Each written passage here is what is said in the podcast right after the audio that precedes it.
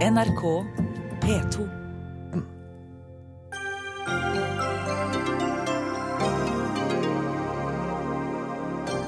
Senterpartiet vil ha et bredt forlik om asyl- og flyktningpolitikken. Det er bra, men ikke med FrPs politikk som utgangspunkt, svarer SV. Pølser er nå i samme risikokategori for kreft som tobakk, ifølge Verdens helseorganisasjon. Er det blitt like farlig å spise pølser som å røyke, spør vi.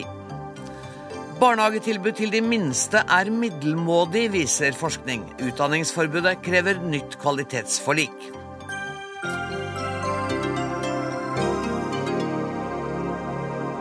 Dette er noe av innholdet i ukas første Dagsnytt 18, der vi også møter Ari Behn, som forteller om sin siste bok 'Tiger i hagen'. Men først mer kontroll på innvandringen til Norge. Mer bruk av midlertidig opphold og raskere returer av dem som ikke har behov for beskyttelse. Det bør være ingrediensene i et bredt forlik om innvandringspolitikken, mener, mener Senterpartiet og leder Trygve Slagsvold Vedum. I en tale til Senterpartiets landsstyre i dag så tar du altså til orde for kraftige innstramninger. Hvorfor gjør du det nå? Altså, det, jeg vil si det først, at jeg mener noe det viktigste når vi ser den situasjonen vi står overfor nå, er at vi får til et bredt forlik i Stortinget. For det er vår beste tradisjon i Norge. Når det er klimaforlik, pensjonsforlik, skatteforlik, når det er store og vanskelige saker, så legger vi partibøkene litt bort. Og så lager vi forlik som speiler styrkeforholdet i Stortinget. Og det mener vi er helt nødvendig med den store flyktningkrisen vi er vitne til. At vi klarer å se lenger enn i morgen. Klarer å se fem, seks, sju, åtte år framover. Og i et sånt forlik så mener jeg at noe av eh, det vi må få til, er å sørge for at det er de som ikke har behov for beskyttelse, at færrest mulig kommer, at færrest mulig, færrest mulig legger ut på reisen, og at de som ikke har behov for beskyttelse, blir returnert. Vi gjorde et tilsvarende tiltak i 2008. I den rød-grønne regjeringa lanserte vi en pakke i august 2008. Det for da, da kom det mange som ikke hadde behov for beskyttelse, og vi måtte sette i verk tiltak som gjorde at de eh, ble returnert, eller at det færre kom. Og det hadde veldig klar effekt. Eh, justisminister Knut Storbergen, og han var det, eh, innførte et hurtigbehandlingsløp når det kom mange fra Serbia og Montenegro som ikke hadde rett på beskyttelse. Og det hadde veldig klar effekt. Så samtidig som vi nå det er ingen tvil om at vi skal ta imot de som har rett på beskyttelse. For der har vi internasjonale forpliktelser. Så må vi ha en konsekvent politikk. At de som ikke har rett, forhåpentligvis ikke kommer. Men punkt to, at de de som har kommet, at de blir returnert så fort som overhodet mulig. Så Derfor så var det et av elementene i den talen. Men mitt hovedpoeng er at norsk politikk er på sitt beste når vi finner brede forlik. Det, det, er hovedpoenget, men allikevel går du jo eh, ganske tydelig inn på f.eks. Ordet, ordet solidaritet har du ikke nevnt i talen din. Du snakker om å returnere, og, og, i dag har det også kommet fram at regjeringen ønsker å returnere enslige asylsøkende barn i mye større grad, også når man ikke kjenner til deres foreldre. Altså sende dem til andre slektninger i hjemlandet. Er det også noe som går inn i Senterpartiets forslag her? Men jeg, jeg brukte ikke ordet solidaritet, men jeg brukte ordet vårt lands humanitære tradisjon, vårt lands humanitære arv. Ja. Så det, det, tror jeg gjenspeiler nå de samme verdiene. For et forlik må vi bygge på den humanitære arven. Og ikke minst når vi blir så prøvd som vi blir nå, så er det viktig at vi tar vare på de beste prinsippene i landet vårt. Så f.eks. i 2008 så gjorde vi noe som var kontroversielt. Ja, vi, vi, sa at de som var enslige mindreårige asylsøkere mellom 16 og 18 år, ikke skulle få varig opphold. Nettopp. Det fikk vi mye kritikk for, og derfor så valgte SV ikke bli en del av den avtalen da. Og det ga effekt. Og det gjorde at mange færre unge menn kom til Norge. Og du, så du syns det er akseptabelt at man nå returnerer dem, selv om man ikke kjenner foreldrenes identitet, eller vet om de har foreldre i det hele tatt? Man returnerer dem til andre pårørende i hjemlandet? Ja, Nå kjenner jeg ikke godt nok til det forslaget, men det vil jeg tro er gjennomtenkt. Og når vi gjorde det i 2008 Eh, så hadde det klar, eh, klar effekt, og var den varslinga vi hadde da. Eh, jeg har et spørsmål til deg før jeg gir ordet til den ivrige Karin Andersen. Ja. Kutt i lommepenger til asylsøkere, er det lurt? Altså, jeg, altså må, Poenget mitt er at vi må sette oss ned nå rundt Men poenget må da være altså, Vedum, at du har gått gjennom og sett på de konkrete ja, tiltakene? Ja, så klart Når det gjelder integrering, så for eksempel, dette hovedpoengene vår, min, min, min tale i dag var at vi skal øke integreringstilskuddet. At staten skal ta hele regninga. Det har vi ment er veldig viktig. Så sier jeg også i talen at vi må ha en mer forpliktende bosettingsstrategi mellom staten og kommunene. For de som blir, må vi få bosatt så raskt som overhodet mulig. Så har jeg hørt ideer i de siste uka, uka om at de som bor på mottak, kanskje at de kan gjøre mer av jobben på mottak sjøl. Så da kommer det veldig veldig mange ideer, veldig mange innspill for å klare å løse det her store som vi står overfor, sammen. Og det er det vi må klare. Vi må klare det sammen på Stortinget, og vi må klare det sammen med kommunene, ja. sånn at vi klarer å lykkes med integreringen. Jeg prøver meg en gang til. I, I dag så er den gjennomsnittlige utbetalinga av lommepenger til en asylsøker gjennomsnittlig ca. 31 000 kroner. Er du enig i at den summen bør reduseres kraftig? Det har ikke vi tatt stilling til i Senterpartiet. og Det er ikke noe høy sum, men nå vil vi sette oss ned og diskutere alle tiltak sammen med de andre partiene. Karin Andersen, Hvordan tolker du eh, Senterpartiets eh, forsøk på å få, til, få, i gang en brei politisk enighet om en plattform for dette? Det hadde jo vært fint eh, hvis vi fikk til en brei enighet, for dette er jo en vanskelig situasjon. Men det er jo først og fremst vanskelig for flyktningene, og ikke, ikke for oss. Og da maner jo dette på solidaritet med flyktningene, og det maner til solidaritet mellom europeiske land. Og nå ser vi liksom land etter land. Noen bygger piggtråd. Andre lager regler og, og skal liksom skremme asylsøkere for å komme ikke hit og søke hos oss og land slutter å stemple pass osv. Så, videre. så det har vært en sånn svarteperspill nå veldig lenge.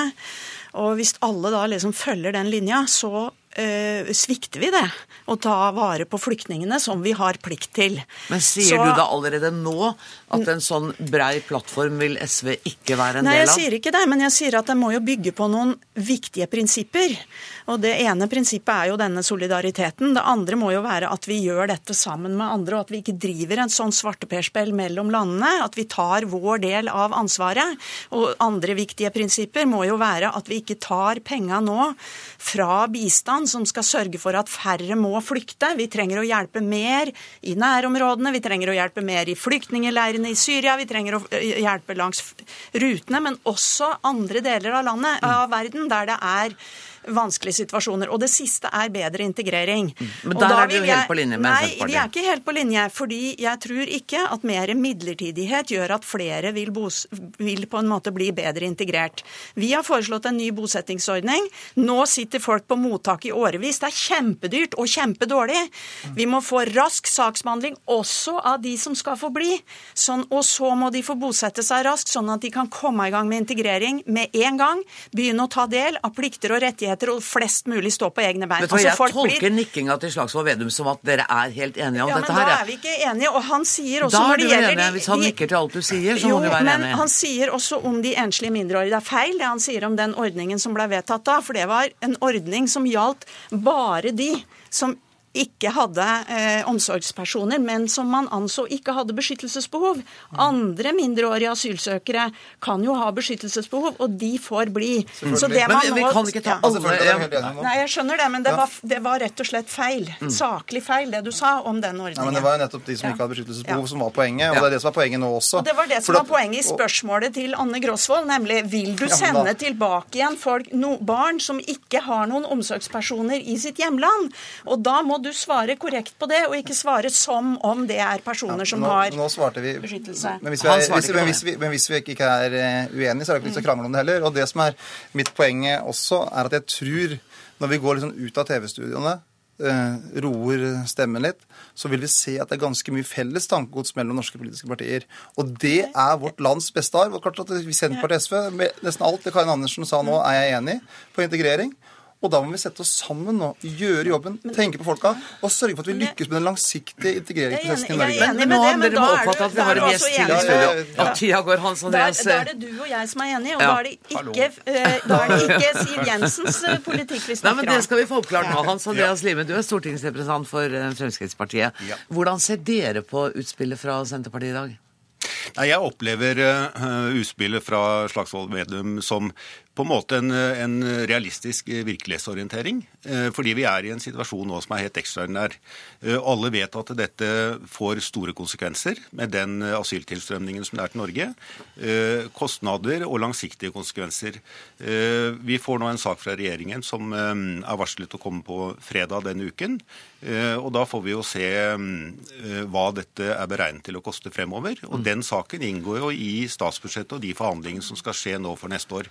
Så det er først og fremst de fire samarbeidende partiene på ikke-sosialistisk side som skal finne løsninger på den situasjonen som Norge nå opplever. Men noe av hensikten her er jo å gjøre det noe mindre attraktivt for folk å komme hit. Men hvis vi ser på tallene, da. Så fra Eurostat så har altså i september måned så har det kommet 4009 til Norge. Til Sveits kom det 4005. Til Sverige 24 265. Til Finland 10 815. Det er jo ikke sånn at flyktningene sitter og tenker at Norge er det landet som til nå har det beste tilbudet, så dit drar vi. Nei, Det er nok litt uh, uh, forskjellig informasjon ute og går. Vi skal huske på at uh, etter at Fremskrittspartiet kom med i regjering, så klarte vi faktisk å begrense asyltilstrømningen i 2014. Til tross for at den økte voldsomt til veldig mange andre land i Europa. Mm. Så det er klart signaleffekten av at man fører en mer restriktiv politikk, den er viktig. Men dere, hvor langt informasjonen... ned skal vi ha magamål til å gå? Skal vi si Nei. at vi bør, bør ikke være flere enn 500 f.eks., eller? Ja, vi hadde en budsjettavtale for 2015 som innebar altså altså i overkant av 2100. Mm. Eh, hvorav 1500 fra Syria.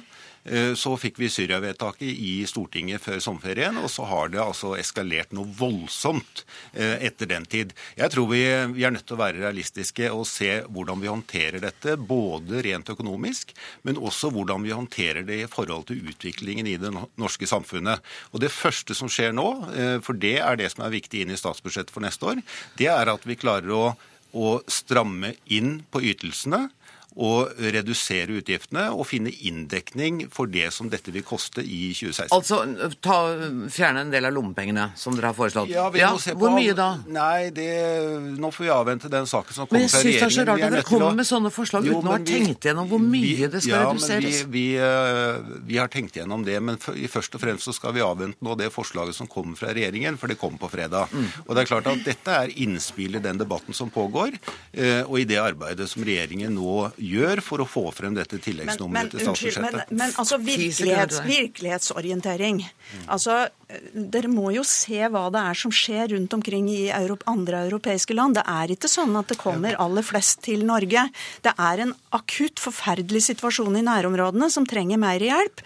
Og da er det jo da er det, eh, Jeg kan gi dere to veldig gode innsparingsforslag. Ja, okay. Det ene er få til en bosettingsordning der folk blir bosatt når de får opphold. Punkt to steng det sugerøret som mottaksbaronene nå har ned i dette systemet. Og der det er millioner av debatt. Vær så god, Trygve Slagsvold Vedum. Ja, for det som er veldig viktig her, altså De tallene som Limi refererer til, er jo antall kvoteflyktninger. Ja. Der har vi hatt en politisk diskusjon. Men de tallene vi har sett de siste ukene, har jo ikke noe med kvoteflyktningene å gjøre. og Det er vi også enige om her. Ja. Og Mange av de vil få opphold for de har rett på beskyttelse. Mm. Og Derfor så er det så viktig at vi klarer å komme sammen og se hvordan kan vi klare oss å få bosatt de raskt. Syns du det ser bra ut etter denne samtalen? Ja, egentlig. For mm. det er ikke så stor forskjell på det Limi sa det Andersen sa, okay. hvis vi går litt bak. Og jeg tror at det er mulig, for jeg tror alle partier ser hvilket alvor det er. De siste året var det snakk om å bosette noen tusen. Mm. Nå er det plutselig snakk om titusener som vi skal bosette. Mm. Og hvis ikke vi gjør den jobben sammen, så får vi et kjempeproblem om fem, seks, sju, åtte år. Og det blir dårlig for de som kommer. Så jeg mener at vi som samfunnsledere nå har et felles ansvar. Gå sammen, finne løsning både når det gjelder innvandringsregulering, for de som ikke har rett til opphold.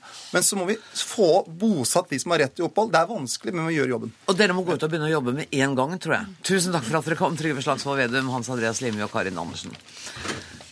Inn i studio nå kommer politisk kommentator her i NRK, Lars Nehru Sand. Hvorfor er dette så vanskelig for politikerne? Selv om jeg hører Trygve Slagsvold Vedum si at ja, det er kanskje ikke så store forskjeller, men det er jo vanskelig. Men eh, Det er i ferd med å eh, senke seg nytt alvor inn i norsk politikk om hvor omfattende situasjonen dette er. Mens vi sitter her nå, så er regjeringen i en eh, avsluttende konferanse med, med, dette tilleggsnummeret til statsbudsjettet. Og de jobber med tall som for alvor vil eh, kaste nye eh, avskygger skygger over hvor, hvor stort eh, omfang det er av mennesker som vil komme til Norge, og hva slags kapasitetsøkning dette trengs i det norske mottakssystemet. helt fra fra eh, grensestasjonen og sikkerheten der via eh, asylintervjukapasitet og mottakskapasitet til hvor mange man vil klare å få bosatt i, i norske kommuner. Så dette er ikke en, en lenger nødvendigvis en konkurranse i å være snillest eller ta imot flest asylsøkere, men det handler om hva slags apparat klarer vi i Norge å få stabla på bena. Kommer det over 30 000 asylsøkere til Norge, 70% av de får innvilga opphold, er jo de eh, veiledende estimatene. da.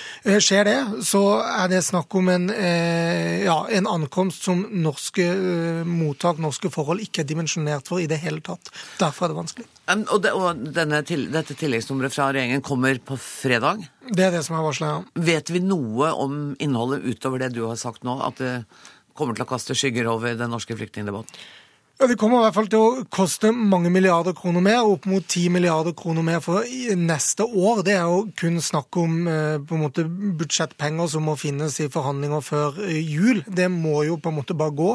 Eh, men jeg tror når man ser hva slags omfang dette er, hvor mange som må bosettes i løpet av fem år, så, så tror jeg vi vil etter hvert skjønne før jul at dette vil forandre deler av norsk politikk, ikke bare for resten av denne stortingsperioden, men også hele valgkampen 2020. 2017 og, og neste stortingsperiode vil man se ringvirkninger av, av dette. Eh, vi hadde invitert Arbeiderpartiet hit i dag også, var interessert i å høre hva de mente. og De hadde ikke anledning til å komme i dag. Hvordan tror du de ville stille seg til utspillet fra Trygve Slagsvold Vedum? Arbeiderpartiet har også tjent med at det blir et, eh, et, forlik. Eh, det er også Erna Solberg, som ikke var langt unna å si mye av det samme som, som eh, Vedum har sagt i dag i, i, sin redegjørelse i Stortinget. Det er klart vi, vi Norsk politikk er på det beste når, når, man ser hvor mye enighet, og ikke nødvendigvis hvor mye uenighet, som, som er i, i, saker av så stort omfang som dette. Det er nå det ene, men det er også sånn at alle partier, kanskje med unntak av SV, vil være tjent med at man, man løfter sammen. Og så vil det være interessant interessant å se hvordan SV vil posisjonere seg som ett ytterparti, mm. men også Frp, som tradisjonelt sett har stått alene i flyktningpolitikken, men som nå sitter i regjering og, og derfor må administrere et, et, forlik uansett. Og vil være avhengig av at de får en brei politisk støtte, kanskje med unntak av SV? Ja, og Erna Solberg vil nok være svært interessert i at uh, Frp er med på, på notene, for å si sånn. Tusen takk for at du kom i studio, Lars Nehru Sand. Hør Dagsnytt 18 når du vil. Radio nrk.no. Å spise kjøtt kan være like kreftfremkallende som å røyke. Det er i hvert fall et inntrykk man kan få hvis man leser bare overskriftene etter at det er kommet en ny rapport fra Verdens helseorganisasjon.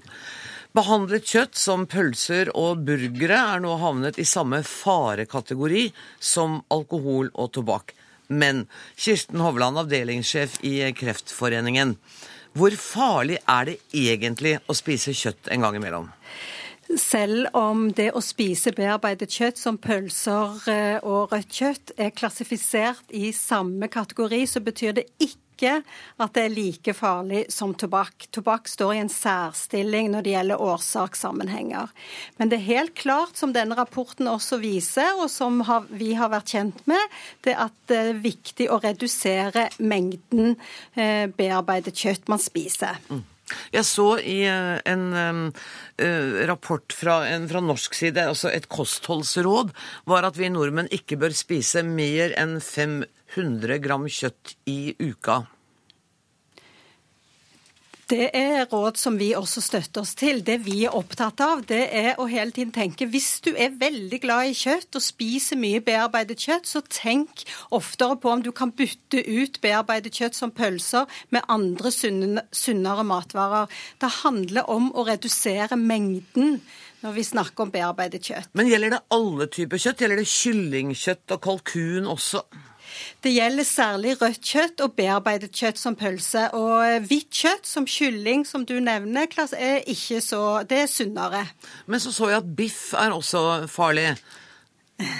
Igjen så handler det om mengden og størrelsen på biffen. Det er rødt kjøtt det er, det, er det er, ikke å anbefale for mye av. Så vi pleier å si gjør som bestemora fortalte deg. La litt kjøtt og mye grønnsaker og poteter er gode råd. Ok, men Bare for å få lista klar, så er det det bearbeidede kjøttet, altså pølser og burgere og sånne ting. Og på andreplass kommer eh, biff, og så eh, er kylling og kalkun ikke farlig. Eh, det, var det riktig oppsummert? Sunnere alternativ med hvitt kjøtt, ja. Sunnere alternativ med hvitt kjøtt. Dag Henning Reksnes, du er direktør for Opplysningskontoret for egg og kjøtt. Um, Hvordan reagerte dere da dere så oppslagene om den rapporten i dag? Nei, oppslagene er jo kanskje litt sensasjonsprega. Den eh, kunnskapen som blir formidla gjennom den jobben EIARK har gjort, er jo kjent både for helsemyndighetene og for bransjen og har vært det lenge. Og det ligger til råd for de kostholdsrådene vi allerede har. Men er det da fornuftig at, at vi blir pusha på reklame for, eh, for pølser og for bearbeidede kjøttprodukter i stort omfang? Ja, Pushe på reklame, det var jo ditt uttrykk, men vi prøver å gjøre en jobb der vi informerer forbrukerne om alle råvarene som kommer fra egg- og kjøttproduserende bønder, og vi tror forbrukerne vil ha det. Vi kommuniserer jo også helserådene som blir gitt til kostholdsrådene som blir gitt fra norske myndigheter. Ja, gjør, gjør dere det, og gjør dere det tydelig nok? Det kan vel at det diskuteres hvor tydelig en skal være på det. og Jeg kan ikke vi huske å ha sett at dere oppfordrer oss til å spise mindre bearbeida kjøtt. Nei, Vi oppfordrer til å følge kostholdsrådene. Det gjør okay. vi. Um, vi kan altså spise 500 gram kjøtt i uka, men vi spiser 76 kilo kjøtt i året. Det er nesten tre ganger så mye som eh, Ja, rådet. det tallet der er vel ikke helt korrekt, for da spiser du en del bein og litt sånne andre ting òg. Eh, Ok. Det som er rett, er at vi ligger sånn ca. ti gram over anbefalt inntak i gjennomsnitt. Å ja, så og det er ikke- stor forskjell på kvinner og menn. Kvinner ligger stort sett under, og menn ligger over når det gjelder inntak av Ja. kjøtt. Og så er det også grunn til å si, jeg leste på BBCs hjemmesider, at uh, faren for kreft øker med 2-3 mens liksom tobakksrøykingen da øker den radikalt. Bare sånn at ikke folk tror at vi sitter her og sier at det er like farlig å ta i pølse som en tjuvpakning. Ja. Og når det gjelder bearbeidede produkter, så er det òg viktig å si at det er jo ikke bare kjøttet det gjelder. Det gjelder jo alle råvarer som blir bearbeida. Det er jo det som er poenget. Det pussige er at i dag så kom det på pulten min Andreas Viestads eh, siste bok. Den store kjøttkokeboka. Angrer du nå, Andreas Viestad?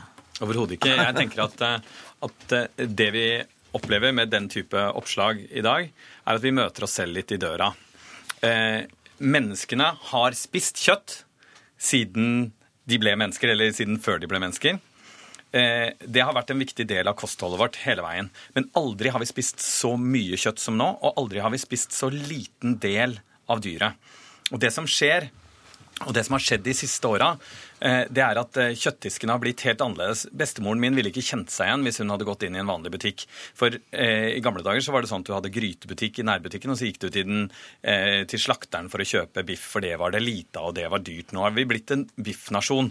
Og vi har fått et veldig skeivt forbruk, hvor næringa, inkludert opplysningskontorene og sånn, har på en måte øh, viser oss øh, hvordan vi skal tilberede filetkjøttet, hvordan vi skal tilberede den øh, magre delen av grisen osv. Og, og så blir vi sittende igjen med sånne berg av kjøtt som man ikke får solgt, og de går inn i dette skjulte kjøttet. Og jeg tror det er det egentlig mye av, det, av dette, denne rapporten advarer mot. Det skjulte kjøttet, det bearbeida kjøttet som dukker opp både her og der i pølsene på pizzaen, i steder hvor du egentlig ikke får noe utbytte av det. Eh, Så min oppfordring er jo ikke at man skal spise mer kjøtt, men at man skal spise bedre kjøtt og benytte seg av hele dyret. Og bruke hele dyret. Til og med halen og syltelabbene og alt som er. Ja, men bare tenk, tenk på, på en måte, eh, Spør deg selv spørsmålet. Bestemora eller oldemora di, hvilken del av dyret kasta hun? Det var ingenting. Og vi trenger litt av den kunnskapen også for å finne en måte å spise balansert. At eh, vi også kanskje kan bruke litt av de stykningsdelene som har mye smak, eh, men, eh, men, ikke, men ikke nødvendigvis hvor man trenger det store, tjukke stykket. Men jeg må spørre jeg, jeg tror også at, at liksom helsemyndighetene har også på en måte fokusert så innmari mye på det magre kjøttet.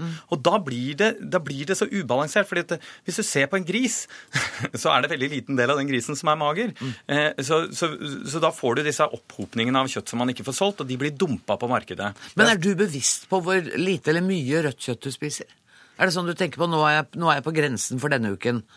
Jeg har spist mine 50 gram. Jeg, jeg gjør ikke det. Og jeg syns jo kanskje at eh, jeg skjønner behovet for en viss type råd, og hvordan skal du, eh, hvordan skal du finne et tall på å balansere. Men eh, rådet i forhold til det, det beste kostholdsrådet er jo å spise spise variert. Spiser du noe annet i dag enn det du gjorde i går og i forgårs, så er det en god grunn til å tro at du spiser ganske sunt. Uh, ja, er, er du enig i dette? Altså, jeg tror vi er litt feil når jeg sier at vi ikke er opptatt av å utnytte hele dyret. Det er vi definitivt. Og jeg tror du finner en god del veiledning på våre sider om hvor du skal gjøre det. Og det er klart det at Både bonde og industri er opptatt av å nytte dyret på best mulig måte. Og Så er det jo eh, kanskje slik at det er mulig å få forbedring. Vi har jo hatt et prosjekt der vi ser på hvordan vi kan få ut flere bestykningsdeler av f.eks. storfe. Jeg kan, jeg kan stille opp på, på oksehale- og svinekjakereklamene ja. deres på fjernsyn, hvis du, hvis du vil det. Vi, vi, det. Det gleder jeg meg til. Ja, men det gjør vi gjerne. Og det gjør du gratis. Så uh, Hvis han gjør det gratis, så får han lov å komme. Så den, den tar vi. Um, men, men, men, det har jo vært noen som mener at vi trenger ikke dette opplysningskontoret i det hele tatt. For at vi bør faktisk, uh, uavhengig av denne, denne kreftfaren, så bør vi av klimapolitiske og andre holdninger si at vi skal ikke spise kjøtt. Det er jo selvfølgelig en diskusjon vi må ta, og folk må jo få lov å ha mening om det. Eh, det som jeg kan si, det er at vi har et norsk landbruk som er bredt politisk flertall for å ha.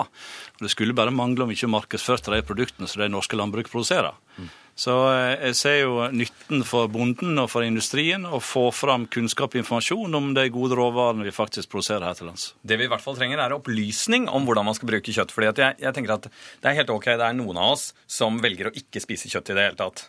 Eh, og hvis du skal være helt kjøttløs, så må du jo velge bort uh, ullgenseren og uh, seigmannen og smør og, og, og, melk og ost også. Det er helt greit, det er et valg du kan ta. Jeg er ikke sikker på om det er bedre verken helsemessig eller, eller etisk. Men det jeg tenker er at vi som spiser kjøtt, enten vi spiser mye eller lite, vi trenger informasjon om hvordan vi kan tilberede det kjøttet på best mulig måte. Fordi det er jo både å forvalte en viktig del av vår menneskelige kultur, men ikke minst en, en eh, litt sånn høflighetshensyn overfor de dyra vi, vi, dreper, eh, også og de menneskene som, til, eh, som, lager kjøttet for oss, og bøndene, det er at vi må ta vare på det og benytte oss av hver eneste del av det med respekt. Og Det er jo sånn som man har gjort i umiddelige tider. Men kunnskap som er blitt borte, og som gjør at man da trenger en kokebok for å få vite hvordan man bruker hele dyret. Men jeg har lyst til å spørre Kirsten Hovland. Denne nye kategoriseringen av behandlet kjøtt, synes du den gjør at vi nå også trenger nye kostholdsråd? Det tror jeg ikke så langt. Jeg tror nettopp det som også kommer fram i denne rapporten nå, det er at det handler veldig mye om å redusere, spise variert, som ble nevnt, og også bruke de rådene med å spise fisk, spise fiber, spise annen kost. Så det ser jeg ikke at det er grunnlag for nå. Nei, Så det betyr at du er helt enig med Andreas Wistad. Hvis du spiser variert, så kan du tillate deg litt kjøtt i ny og ne. Ja, det er et godt råd å spise variert. Og så skal vi ikke sause oss inn bare i eh, dårlig samvittighet og tenke at kjøtt i seg selv er noe skittent, for da ender vi alltid opp med det minst bærekraftige eh, kjøttet, og vi får ikke noe forhold til egentlig hvor mye det er vi spiser. Der ble Dag Henning Reksnes, direktør for Opplysningskontoret for egg og kjøtt, også ganske fornøyd med den replikken der. Eh, vi er nødt til å sette strek. Tusen takk for at dere kom, eh, Dag Henning Reksnes, Andreas Wistad og Kirsten Hovland.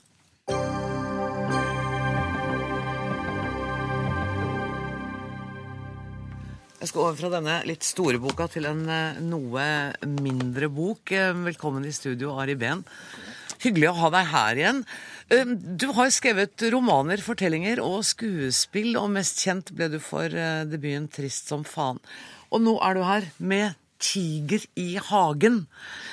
Åpningshistorien i boka har samme tittel, og denne hagen ligger i London, der hovedpersonen sitter og nyter et glass vin. Og da jeg leste historien, så sleit jeg med min logiske hjerne på hva representerer denne tigeren han hører? Har du lyst til å avsløre det Din for meg? Din logiske hjerne. Det er bra. For, for, meg så er tigeren det verste i oss selv. Mm. Altså, demonene vi har. Mørke, det vanskelige. Mm. Uh, og det vi frykter mest. Og som vi ikke tar oppgjør med. Mm. Men så er det også det motsatte. Det kraftfulle, det ville, det frie. Mm. Så, så det tror jeg summere litt opp de to motsetningene. Men, eh, men eh, for meg var det eh, Jeg skriver også at det er støy.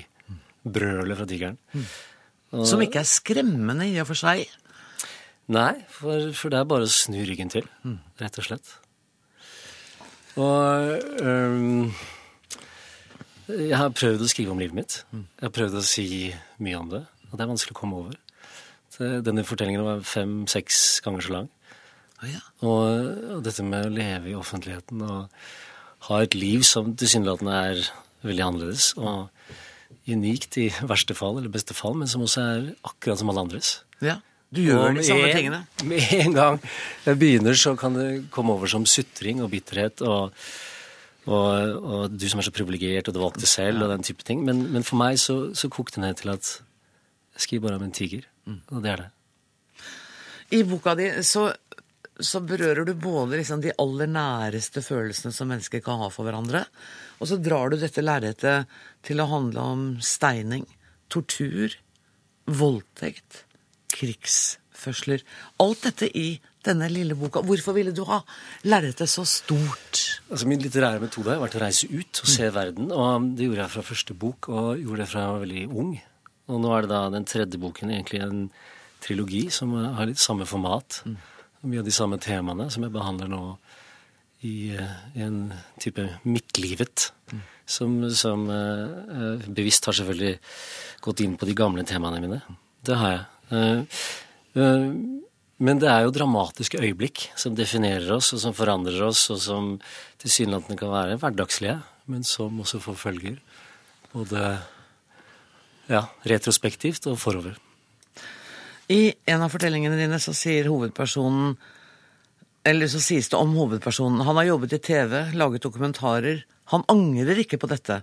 Men det trakk oppmerksomheten hans bort fra det som han i ung alder hadde bestemt seg for å bli, nemlig en skjønnlitterær forfatter. Er du der nå? Altså For meg så har det vært det viktigste. Jeg har gjort mye forskjellig. Og hvis det er en sånn felles denne for det gjør, så er det jo at jeg gjør altså, grenseoverskridende. At jeg bryter kunstneriske sjangre, og at jeg jobber i ulike uttrykk. Og det er jo eh, kan være problematisk, fordi det er jo litt tabu å gjøre det. Men, men hovedgeskjeften min har vært litteratur. Så, så det er min største altså, ambisjon er å skrive litterære tekster. Men du kommer ikke til å slutte med å eksperimentere med andre kunstneriske uttrykk av den grunn, eller? Nei, jeg har jo ikke gjort det, og jeg har jo åpnet opp de siste årene for, for Altså, jeg har malt og tegnet hele livet, men jeg har jo så, da hatt utstillinger med mange store malerier, som har vært veldig frigjørende også for, for meg som forfatter. Så det er en sånn type sammenheng i, for meg at jeg jobber med iscenesettelser, men forteller historier. Og når det gjelder å, å den historien du snakket om nå, med, med altså Den heter 'Kråkene i Kautokeino'. Som, som, eh, hvor det er en mann som tar et type oppgjør med livet sitt. Og det det handler om, er dette at vi gjør de samme feilene om og om igjen. Vi, vi klarer ikke å gi slipp på de gamle mønstrene. Vi møter de samme konfliktene i livene våre. Vi velger de samme snarveiene.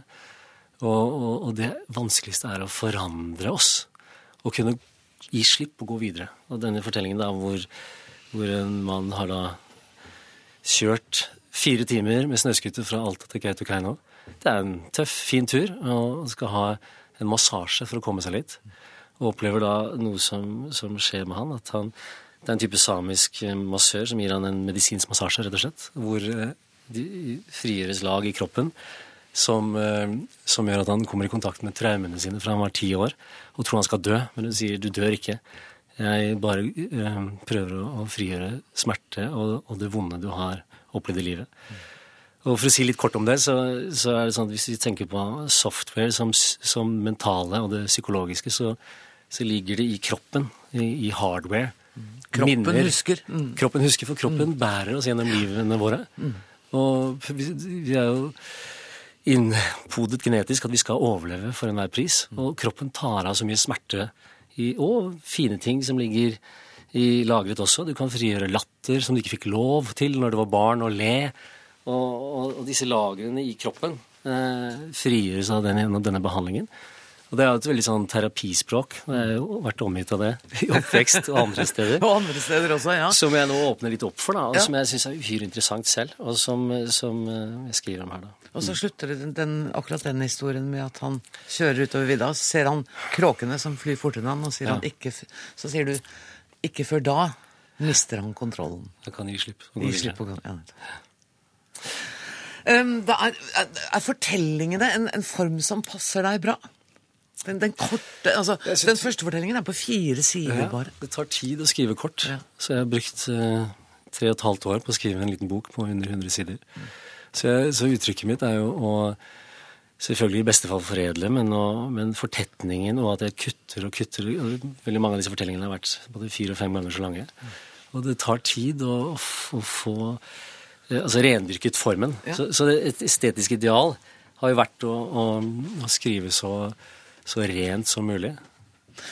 Og- Problemet er at jeg snakker for mye, så, så det fine er jo å kunne skrive så kort. Men, men når du da eh, kutter ned, er det, eh, gjør du det på bakgrunn av råd du har fått fra redaktør eller andre lesere, eller, eller er det du sjøl som ser at hm, dette ble litt pratet og litt langt?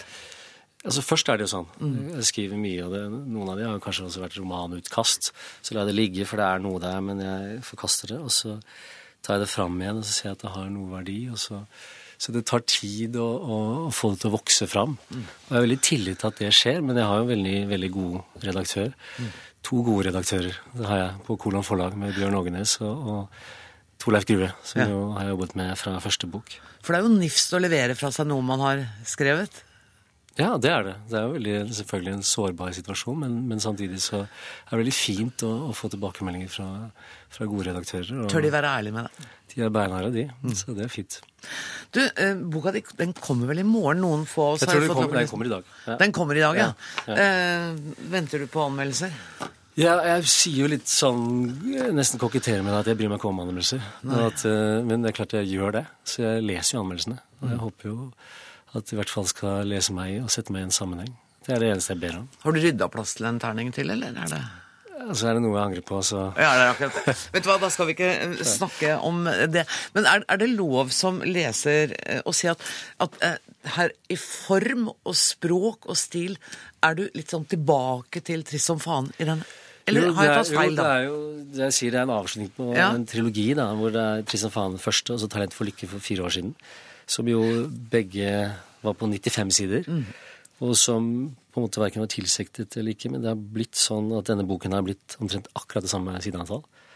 Så det, og det har vært fortellinger som jeg har gjort et utvalg igjen. Og, og ja, så det er jo, det er jo den sjangeren jeg nok, nok eh, trives best i. Mm. Og nå skal du ut av din private sfære og ut på lansering. Nå skal det Ja da, det har vært ny mye lansering forrige uke. Og Og det fortsetter i dag. teater, og det ja, det har du også. Gratulerer med det. ja. ja takk. Um, det betyr at vi kommer til å se en del eh, til deg.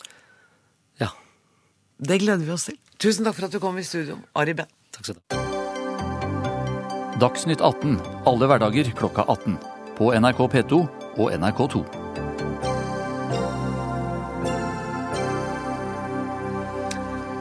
Og her i studio skal vi snakke litt mer om mat, dvs. Si mer om eh, prisen på mat. For Forbrukerrådets nye prisportal for matvarer kommer til å føre til mindre konkurranse og dyrere mat, tror økonomiprofessor.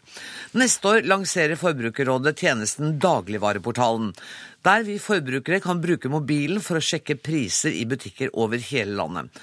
Og når folk får full oversikt over hva maten koster, vil det føre til lavere priser, mener altså Forbrukerrapporten. Nei, Forbrukerrådet. Men effekten blir heller den motsatte, det sier du i Bergens Tidende i dag. Tommy Ståhl Gabrielsen, du er økonomiprofessor ved Universitetet i Bergen. Hvorfor blir effekten den motsatte? Ja, det, det stemmer. Det, eh, det, hovedproblemet med denne portalen er at eh, dagligvarekjedene får tilgang til akkurat den samme informasjonen. Og akkurat den samme detaljerte informasjonen og i sanntid som det kundene får. Og Det betyr at dette blir et kraftfullt eh, verktøy for dagligvarekjedene til å overvåke hverandre og dermed koordinere sine priser. Så det blir prissamarbeid, som er ulovlig? Ja, det er i hvert fall, Jeg kan ikke si at det blir det, men det, det øker i hvert fall faren betydelig for det. Men vil dette kunne føre til at maten blir dyrere? Ja, fordi at det svekker konkurransen. Du må huske på at i dag har vi tre dagligvarekjeder igjen. Eh, og, og, de vokter hverandre tett allerede. Og, og da syns jeg det blir merkelig at, at, myndighetene skal legge til rette for et system der de kan overvåke hverandre nesten perfekt. Randi Flesland, du er direktør i Forbrukerrådet. Dette var kritikk du kanskje ikke var helt forberedt på? Jo da. jeg er enig i at det er en utfordring med konkurransen i dagligvaremarkedet med bare tre kjeder. Eh, men vi er nok litt uenig i at denne dagligvareportalen vil føre til eh, redusert konkurranse. For allerede i dag så vet kjedene veldig godt prisene til hverandre. De har hundrevis av prisspioner ute og sjekker, og de har taktisk prissetning. Vi har faktisk informasjon om at eh, pris på én vare har blitt endret tre ganger på en dag. Så den sitter de med. Men det er du og jeg som ikke vet, det er vi forbrukerne som ikke vet. Og det vi prøver å få til, er jo en økt forbrukermakt. Og heldigvis er ikke dette en portal bare med pris. Da hadde det vært litt kjedelig. Ja. Dette er en totalportal. Den skal vise ingredienser, den skal vise kvalitet, den skal vise allergener. Kalorier. Den, ja, kalorier. Og den skal vise eh, hvor du får tak i varene. Altså hele denne her, hele bildet som vi forbrukere er kjempeopptatt av. For vi er jo ikke bare opptatt av pris, vi er jo opptatt av hvilken kvalitet det er, hvor jeg kan få tak i det, Ja. og så selvfølgelig også pris. Så det hvis vi kan klare med denne her, å få til at du og jeg bruker denne forbrukermakten vår og går dit som har den kvaliteten til den prisen vi ønsker, så håper vi at du får et økt utvalg i hyllene. hyllene og lavere, lavere priser. Kan ikke vi bare være litt konkrete? Det er mulig jeg har litt tungt for det. Men denne, hvis jeg skal, la oss si jeg går- jeg går hjem fra jobben, og så skal jeg handle brød og melk og kaffe. Ja.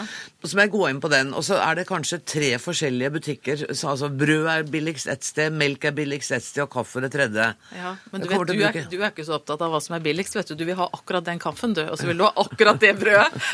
Nei, avslørt igjen. og da sier du OK, nå er jeg på et fremmed sted, Vanligvis så vet du akkurat hvor, hvem som har hva. Så er jeg fremmedsted. Hvor kan jeg finne akkurat den kaffen jeg vil ha, eller det brødet? Og da får du vite det, og så får du samtidig vite prisen. Men du vet, når du sitter hjemme, så har du på en måte laget din egen lille portal. Enten du er på mobilen eller på PC-en eller på nettbrettet ditt, og så sier du at disse tingene er jeg opptatt av. Jeg er allergisk mot nøtt, nøtter. Jeg er opptatt av sunnhet i forhold til salt, sukker, fett. Det er noen merker jeg liker og noen ikke. Jeg er opptatt av økologi, kanskje. Så lager du din egen lille portal. Når du da legger på en måte menyen din inn der, så sier den OK. Da er det disse merkene du skal kjøpe. De finner du der og der og der til den og den prisen. Men Tommy Gul- eh, Gabrielsen, dette høres da ganske fornuftig ut. Altså, Det er mindre vektlegging av pris enn det man har forutsatt. Det betyr jo da at, at de store kjedene kanskje ikke vil være så opptatt av denne portalen? Ja, vi, vi, jeg er veldig fornøyd hvis ikke, hvis ikke det ble vektlegging av pris i sanntid, sånn som portal legger opp til, så tror jeg portal kan være veldig nyttig for konsumentene. Men det er jo akkurat det poenget som jeg har trukket frem, og, og som jeg syns er kjempeviktig. Dersom det blir et sånt fokus på pris, så de, detaljert prisbilde som legges ut, eh, og i sanntid for kjedene, så blir dette eh, et utrolig nyttig instrument for kjedene til å koordinere sin prissetting. Da må, jeg, da må jeg bare fort gå til Ingvild Størksen, som er direktør i Virke dagligvare og har Norgesgruppen og Bunnpris som medlemmer. Hvordan reagerer eh, dine medlemmer på dette?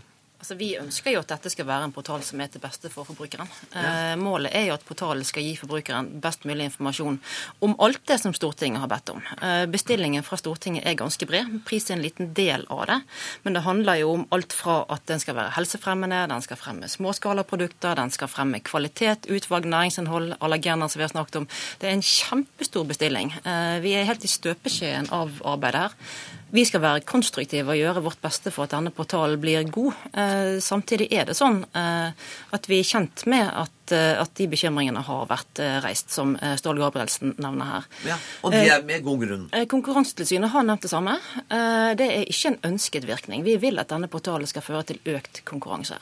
Eh, Så vi forutsetter jo selvfølgelig at i det videre arbeidet med portalen, eh, så har Forbrukerrådet tett kontakt med Konkurransetilsynet for å gjøre det som kan gjøres for at det ikke skal bli som, eh, som Stål Gabrielsen er bekymret for.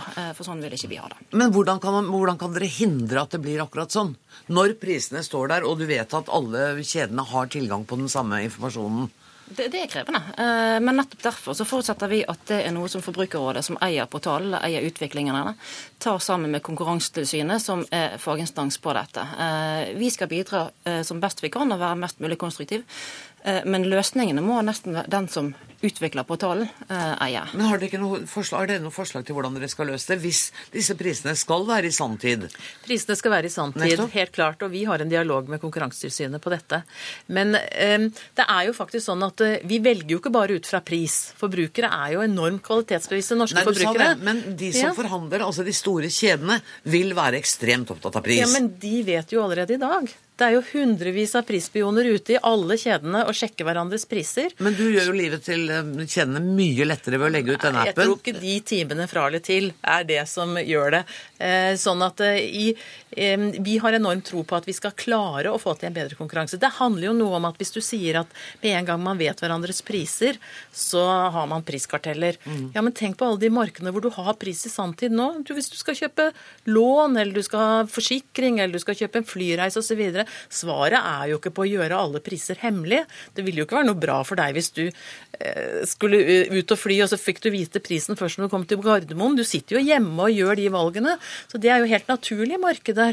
Og så ønsker vi også som det ble sagt her, og også få inn andre enn dagligvarekjedene inn i portalen. F.eks. Bondens marked for andre småskalaprodusenter, sånn at du får et, et utvidet tilbud til forbrukerne. Og det vil også utfordre. Er du litt roligere når du hører, eh, når du hører Flesland snakke nå?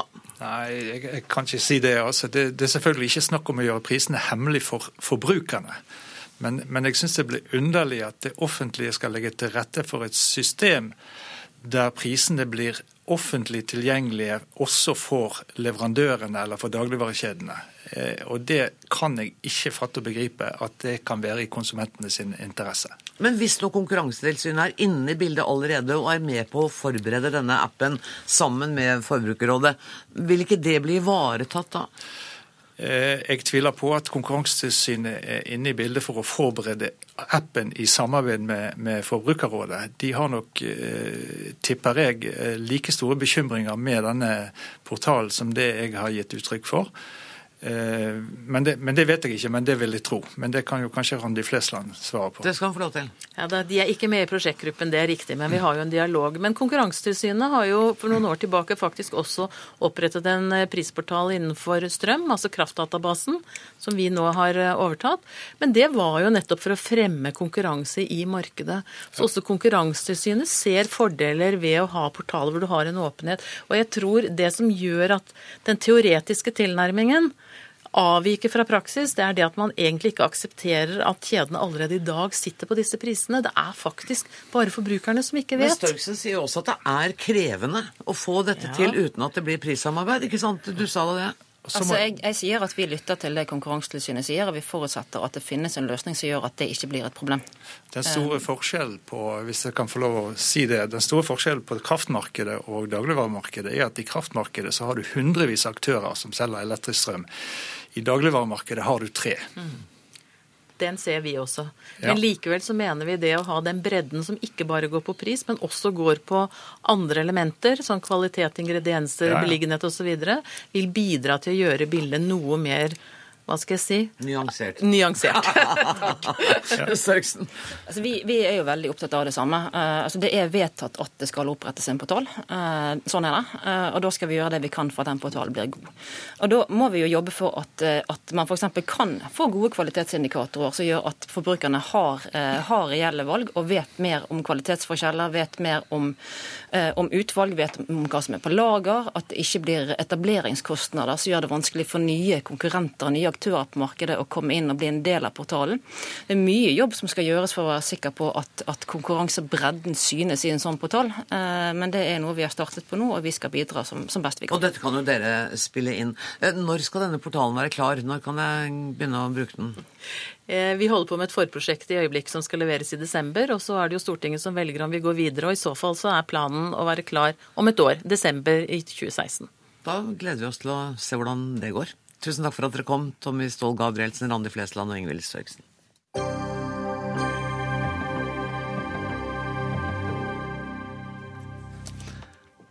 Barnehagetilbudet for de minste barna er middelmådig her i landet sammenlignet med andre land. Det er svakheter i stimuleringen av barnas utvikling og språk, står det å lese i den første rapporten fra forskningsprosjektet Gode barnehager i Norge og Blikk for barn. Lars Gulbrandsen forsker ved Norsk institutt for forskning om oppvekst, velferd og aldring. Dette er det største forskningsprosjektet innen barnehagefeltet noensinne, og det første i sitt slag til å ta for seg kvaliteten i norske barnehager. Hva er det mest overraskende funnet? Ja, Det mest eh, overraskende funnet er kanskje at det tross alt er så bra som det er. Vi må jo ta utgangspunkt i at det har vært en veldig ekspansjon, særlig når det gjelder barnehageplasser for små barn. I 2000 var 38% av ett- og toåringer i barnehagen. Nå er 80% av ett- og toåringer i barnehagen. Og man har faktisk klart denne ekspansjonen uten at det har gått på, på bekostning av kvalitet. Og mitt inntrykk av disse resultatene er ikke at norske barnehager er dårlige. De ligger midt på treet. Ja, det, var akkurat det, og det var litt skuffende, syns jeg. Jeg trodde vi skulle vært helt i verdenstoppen hva gjaldt pedagogikk, hygiene, eh, språkutvikling og lek. Det gjør vi ikke. Nei, Midt på vi treet. er, vi er ikke i verdenstoppen, men vi er heller ikke på bunn. Vi ligger omtrent midt på, og det er nok overraskende for mange. Men det betyr også at her er det en del forbedringspotensialer.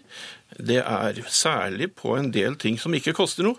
For eksempel? For eksempel på hygiene. Det er en del mangler her på håndvask. Og også er det en del på leker. Det koster heller ikke noe. Og så har man kanskje en utfordring på å få mer kompetanse inn i barnehagene. Og bedre språkutvikling. Dere skriver bl.a. at uh, dere ser at uh, barnehagepersonell er veldig flinke til å snakke med Nå snakker jeg ikke om alle barnehager, da, men der hvor dere har vært én og én unge, men kanskje ikke så flinke til å få til gode gruppesamtaler. Så det er også en utfordring. men det er, det er nok helt riktig, og det er viktig, fordi at dette med en barnehage, det er jo at der er til forskjell fra et hjem, hvor man stort sett da er sammen med barn og foreldre, så er det der det at barn da er i en gruppe og er sammen med jevnaldrende og lærer av hverandre, det er jo det som kan nok bli bedre.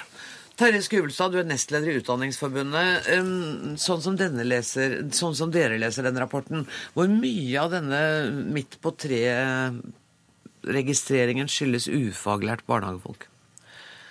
Altså Det vi er opptatt av, det er eh, å utjamne forskjellene. Vi vet at det er store ulikheter mellom barnehagene i Norge. Og For å klare å øke kvaliteten på uh, utdanninga, som dette er den første delen av, så trenger vi flere voksne inn i barnehagen. Vi trenger flere barnehagelærere. Vi er opptatt av at det skal være både flere pedagoger og, og i og for seg ufaglærte også. Vi Ja. trenger flere voksne folk inn i barnehagen. Ja, det gjør vi. Eh, nå var det sånn at det var et forlik eh, i 2011 eh, på Stortinget som gjorde at eh, det faktisk nå er rett for alle barn til å få en barnehageplass, og det er veldig bra. Men nå er det, bør det absolutt være fokus på kvalitet. Og når OECD senest i sommer, i juni, sier at mangel på kvalifisert arbeidskraft i barnehagen er den største utfordringen der, så betyr det faktisk at det må vi gjøre noe med. Og da er det jo bra, da at eh, de politiske partiene faktisk har kvalitet i barnehagen som mål alle sammen. Og de bør nå kunne klare å samle seg om nettopp å skape kvalitet i barnehagen. Og dermed ble ballen spilt over til deg, Birgitte Jordal, statssekretær i Kunnskapsdepartementet fra Høyre. Um, bedre kvalitet, altså flere pedagoger. Og jeg leste at vi trenger ca. 4000 uh, barnehagelærere. Ja, Man snakker om at det er en eh, dispensasjon eh, på 3700 barnehagelærere i barnehagene okay. i dag. Eh, men da vil jeg minne om da, at i 2009 så var det en manko på s- eh, 7003. Ja, ok, Så det går, riktig vei. riktig Det, retning. det går i riktig vei. Men fant du noen overraskelser i den rapporten? Nei, jeg, jeg, jeg, Det er ikke mange overraskelser. Men det jeg er veldig glad for, det er at vi nå endelig får på plass et noe bredere kunnskapsgrunnlag om hva som skal være kvalitet i norske barnehager. Jeg tror vi har hatt all fokuset på, på å få barna inn i barnehagen uten å vite hva de skal ha med seg når de går ut av barnehagen. Og det er en stor utfordring, og særlig gjelder det, som forskerne også sier, de minste barna. Å forske på én- til treåringer, hva er deres behov, hva slags kompetanse trenger de voksne for å imøtekomme deres behov, det er uhyre viktig, men vi mangler fremdeles mye forskning. Nå får vi muligheten til å følge disse barna over tid. Da ser vi om den innsatsen vi gjør, faktisk virker. Men Lars Gudbrandsen, dere, har dere nå sett bare på 1-3-åringer? Foreløpig har vi gjort det. For Ja. dette er det ene prosjektet, Blikk for barn, det er et prosjekt som ser på barnehagekvalitet for små barn. Det andre prosjektet, Gode barnehager for barn i Norge, det skal følge disse barna videre. Og vi skal se da på hva ved barnehager Måten å drive barnehager på, innholdet i barnehager, er det som da kan påvirke ungenes utvikling hva angår språk og sosial kompetanse. Så vi følger dette her videre. Men er du, er du enig med konklusjonen fra Skuvulstad om at det vi trenger, er flere voksne folk i alle barna, eller ikke alle, men i barnehagene?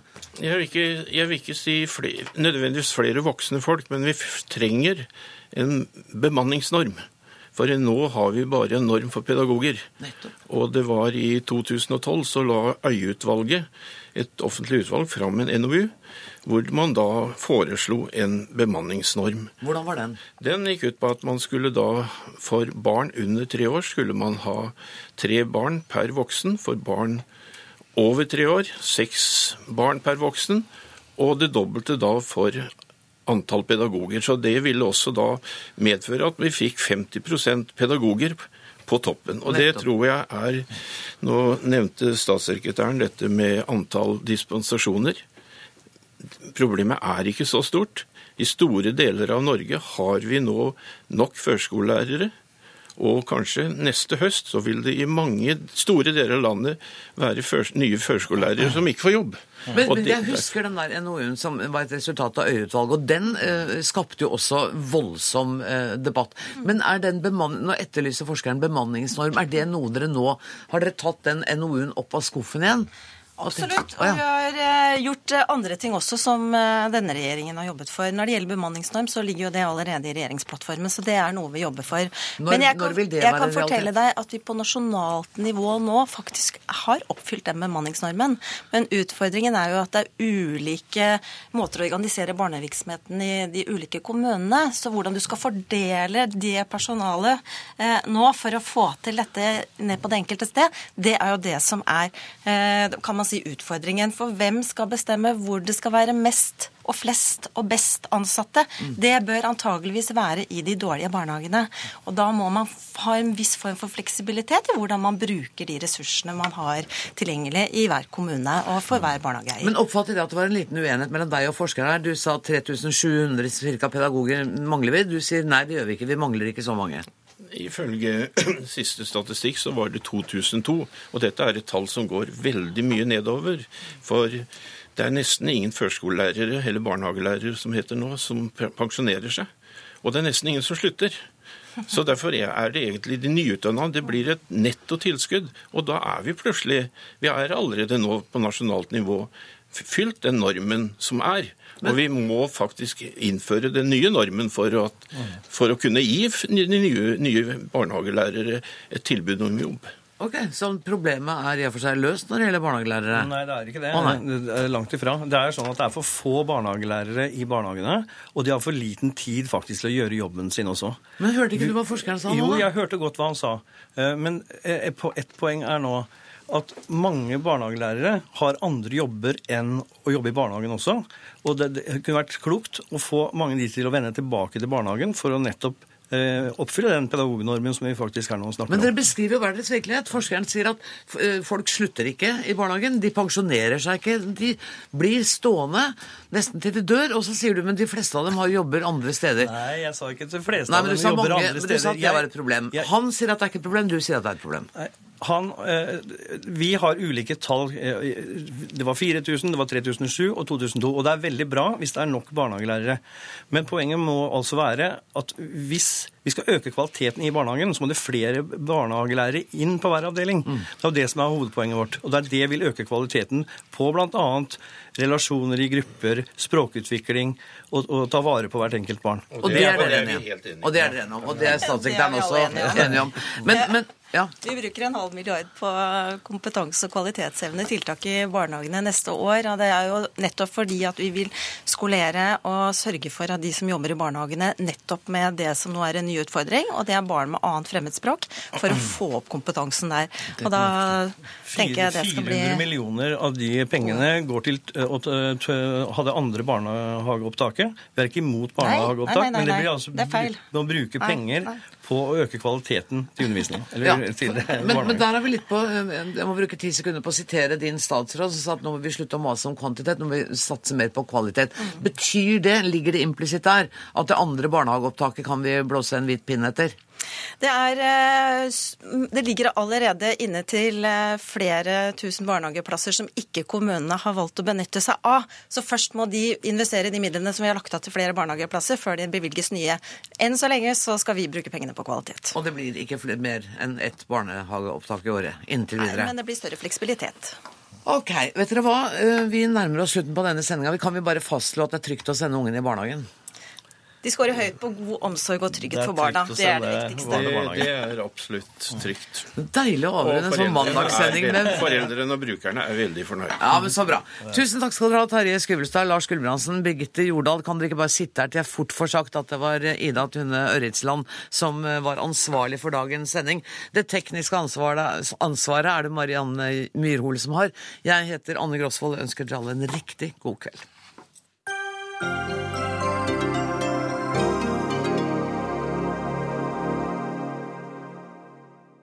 Hør flere podkaster på nrk.no podkast.